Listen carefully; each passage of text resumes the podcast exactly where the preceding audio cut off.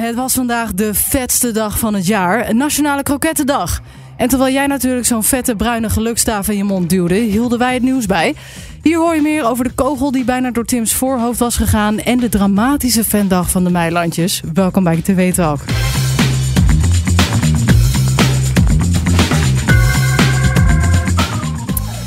Ja, welkom bij TV Talk. Dit is de podcast die jou iedere dag bijpraat over wat je hebt gemist op de Nederlandse televisie. Mijn naam is Charlotte en ik zit hier vandaag weer met Stijn. Hey, hallo. Hey, hallo. We bespreken de televisieavond of de televisiedag van 9 oktober. Dat was me nogal een dag. Het was me nogal een dag. Het was een drukke avond. En Ja. het ging uiteraard ook veel over de oorlog in Israël en de Palestijnse gebieden. Daar Ja. gaan we het zo nog even over hebben. Maar ook natuurlijk het schrikbarende nieuws. Denk waar je net op doelde. Ja. Tim Hofman. Ja, dat ging, stond ook centraal. En ook Ja. daar komen we zo even op terug. Eh, want laten we beginnen bij eh, Nicole Kremers. Dat is de ex van Peter Gillis. En die deed vandaag aangifte eh, tegen Peter. Ja. Ja, het gaat al maanden zo tussen die twee. Lopen elkaar alleen maar ja, de rechtbank, rechtbank in te schreeuwen. ja, ik las al ergens tussendoor, op, volgens mij ergens op een website, dat het, dat het weinig intelligent was of zo. Dat de advocaat van Peter dat had gezegd, zoiets. Ja, de- dat, de weet ik niet. Maar Ja, nou, dat soort dingen. Het, weer, het is gewoon de ene naar de andere sneer, volgens mij. ja, ja, het, ja, het slaat eigenlijk nergens op. En nu, eh, schijnbaar zouden ze een overeenkomst hebben getekend. En daarin zou staan dat Nicole niks negatiefs mag zeggen over Peter. Nou, dat is wel gebeurd. Dus nu heeft Peter beslag ge- gelegd op de rekeningen van Nicole. Want dat stond in die overeenkomst. En nu zegt zij dat die overeenkomst juist is getekend met dwang. En daarvoor doet ze nu aangifte tegen Peter. Ja, het is allemaal wat. Het, Het is is- wat. Ik word er echt moe van. Laten we snel doorgaan. Ja. Zullen we dan maar naar Tim Hofman gaan? Het gesprek Ja. van de dag. Ja, nou, dat heb je vast eh, niet gemist, want dat stond echt overal. Dus of je hem nou leuk vindt of niet. Ja. Er was dus een man, eh, die is het uh, BNNVARA-gebouw ingelopen en die wilde een kogel door het hoofd van Tim Hofman schieten. Die wilde hem vermoorden. Ja, ja dat bizar. is niet gelukt. Dat gebeurde allemaal op 6 eh, september in de avond.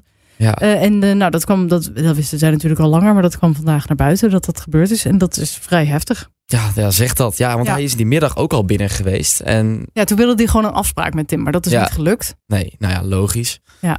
Nou, het lijkt me echt heel eng. Vooral voor Tim, ook als je dan ja, goed op je werk. Dat, dat gebouw dat is dus redelijk goed beveiligd. Zeker nadat, weet je nog, dat er iemand in het NOS-journaal met een Ja, ja, was gekomen. Ja, Ja. sindsdien.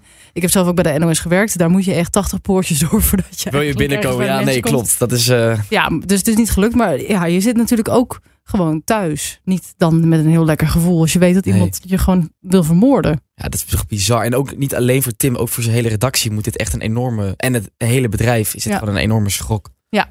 Ja, en John van de Heuvel die zat dus bij eh, Boulevard. En die vertelt hoe, ja, hoe het Mediapark eigenlijk nog beter beveiligd kan worden. En legt de situatie nog een keer goed uit. Want even voor de mensen, de kijkers die misschien niet zo vaak op het Mediapark komen. Dat is geen omgeving met een groot hek eromheen. Daar kan je gewoon naartoe. En dan zijn er overal panden waar je in principe dan ook kennelijk zo naar binnen kunt lopen. Nou, daar hebben we al vaker eh, over gesproken, ook wel intern. Dat, die, dat hele Mediapark is natuurlijk gewoon een gatenkaas. Daar kan iedereen eh, in. Dat moet een open karakter hebben, omdat er veel eh, ja, shows zijn, eh, talkshows soms ook, eh, waar publiek bij is. Dus, maar je, je moet er natuurlijk gewoon wel een keer naartoe, zeker met dit soort incidenten, dat je misschien een deel van de studio's wel gewoon achter hekken gaat zeggen, ja het is heel vervelend dat het nodig is, maar je kunt dit risico toch niet lopen. We hebben al de moord op Pim Fortuyn gehad, weliswaar lang geleden. We hebben met Tarek Z hebben een, eh, in de NOS-studio hebben een, een eh, Bij de nou, NOS inderdaad. ernstig ja. incident gehad. We hebben veel meer dingen waar we misschien met elkaar nog niet eens alle details van weten, maar die echt zijn gebeurd. Dus ik snap ook eigenlijk niet zo goed waarom dat zo lang moet duren. Voordat er, eh, moeten er dan weer, straks weer doden vallen. Nou, dat. En dat er nu maatregelen worden getroffen op basis van dit incident. Maar dan denk ik, waarom is dat niet altijd al zo? Die extra Eh, beveiliging of extra Kijk, met een, pasje naar binnen ja, moeten Een komen. aantal zenders hebben wel hun eh, hoofdkantoor goed beveiligd op het Mediapark. Inderdaad, met pasjes en draaideuren en, en noem maar op. Eh, maar dan nog ben je natuurlijk als, als, eh, nou, als presentator of als bekende Nederlander best wel kwetsbaar. Want je moet toch wel gewoon op die publie- publieksparkeerplaats eh, moet je vaak parkeren. Je weet nooit wie daar dan staat te wachten. Dit, dit is waarschijnlijk iemand die of verward is of gek is en, en een eenmansactie heeft gepland. Het is inmiddels hè, 6 september is het gebeurd. Dus Ja. als er mededaders of medeverdachten waren geweest, hadden we dat ongetwijfeld gehoord. Nou, dus, dus een eenmansactie. Eh, ja, wat, wat, wat halen mensen zich in hun eh, hoofd en wat kunnen we nog meer verwachten? Ja, dat klopt wel inderdaad. Je kunt wel gewoon het Mediapark is niet inderdaad niet een, ge- of een gebied met een heel hek eromheen. Je kunt Nee. in principe gewoon overal naar binnen. Ja, Je wordt dan wel tegengehouden. Volgens mij is de beveiliging in die gebouwen redelijk goed meestal. ja meestal wel, ja.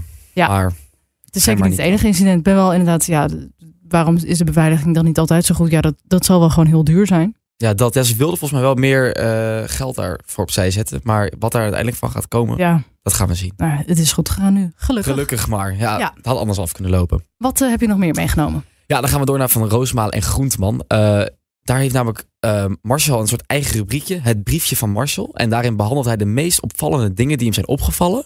En nu kwam hij toch wel een heel opmerkelijk bericht tegen op X, het voormalig Twitter. Laten we even luisteren. Ja, Gijs, ik heb niet alleen. Sorry. ja, ik ben helemaal afgeleid. Genoeg, Nou, Gijs, ik heb niet alleen op tv gekeken en op internet, maar ik heb ook op Twitter gekeken. En op Twitter roerde Wim van den Kamp zich. Ik denk dat jij hem nog wel kent. Ex-CDA-Kamerlid. En die twitterde Europarlementariër. Europarlementariër. En die twitterde naar aanleiding van eh, ja, de ramp in Israël dit. Deze foto van een vermoorde Israëlische motorrijder heeft mij het hele weekend bezig gehouden. Ook al omdat ik dezelfde motor en motorlaarzen heb. Hoe laf kan Hamas zijn?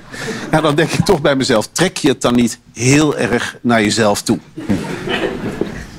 Goed, dan iemand aan wie... Ja, Het is echt een onderwerp waar je, als het aan het publiek ligt, bijna niet aan mag komen. Hè? Maar Nee. het, ja, hij heeft wel gelijk. Echt, ik, kijk dat Instagram kanaal, volgens mij hebben we het al vaker over gehad in de podcast. How can I make this about, About me? me. Ja, ja, dat is, Geweldig. Maar dat ook is- echt, hoe kun je dat nou, zeker als BN'er, gewoon blijven doen? ja ik, ik kan er ook echt niet bij. Dat je dan denkt, oh, laat ik dit nou even gaan delen op mijn socials. Ja, Ja, maar ook vooral, kijk, als je je steun wil betuigen, prima, je mag natuurlijk alles doen wat je zelf wil. Maar wat maakt het nou uit dat jij dezelfde eh motorrijder er hebt als er nog los van. Ja. is omgekomen? Dat, dat, houdt het toch, dat heeft er toch niks mee te Nee, maken? het maakt helemaal niks. Het heeft Oh. totaal geen toegevoegde waarde. Ja, Nee. Heel grappig. En ja, goed gezien van Marcel. Ik ben het helemaal met hem eens. Ja, en dan gaan we even naar een totaal ander onderwerp. eh, de familie Meiland. Want ja, het lijkt erop dat Martien toch wel een beetje een soort grootheid, grootheidswaanzin heeft. Er wordt namelijk een fanmeeting georganiseerd eh, door een Facebookgroep. Eh, alleen verwacht Martien gewoon iets te veel van die fans. Want hij vergelijkt zijn fans eh, met een band. Die wordt beschouwd als de meest invloedrijke band uit de geschiedenis in de popmuziek. Nou, laten we even luisteren. We, we wachten even, dus het kan elk moment komen. Het is wel heel apart. Als iemand mij vijf of zes jaar geleden had gezegd van... er wordt een fandag voor de Meilandjes georganiseerd... had ik gezegd, nou ik weet niet onder welke steen ben jij gekropen vannacht. Dat is toch heel raar, een fandag. Dan gaan mensen allemaal uit, uit België en alle hoeken van Nederland... gaan naar een bepaalde plek. En dan komen wij zo aan, uit een auto gestapt. En dan, ja, dan voel ik me helemaal... Willem, Alexander en Maxima, die ook altijd zo zwaaien naar mensen. En Ben ik dan Maxima? Hè? Ben ik dan Maxima? Jij bent Maxima en ik ben Willem-Alexander. Heel leuk zo. Net als de Beatles. Ja. En gingen mensen ook helemaal gillen, weet je. En dan kwamen ze van de airport, dan zie je ze, zagen ze uit die zwart-wit beelden. Maar dat was ze- wel even andere koek natuurlijk dan dit, hè? Hoe bedoel je? Nou, je gaat jezelf toch niet vergelijken met de Beatles? Wel qua fans, Denk je dat ze gaan gillen? Nee, joh. heel hard. Ja, ze gaan gillen. Dat hele dorp Dornspets, of hoe heet het, Dornspeek. Door een spijk. Oh, Doornspijk.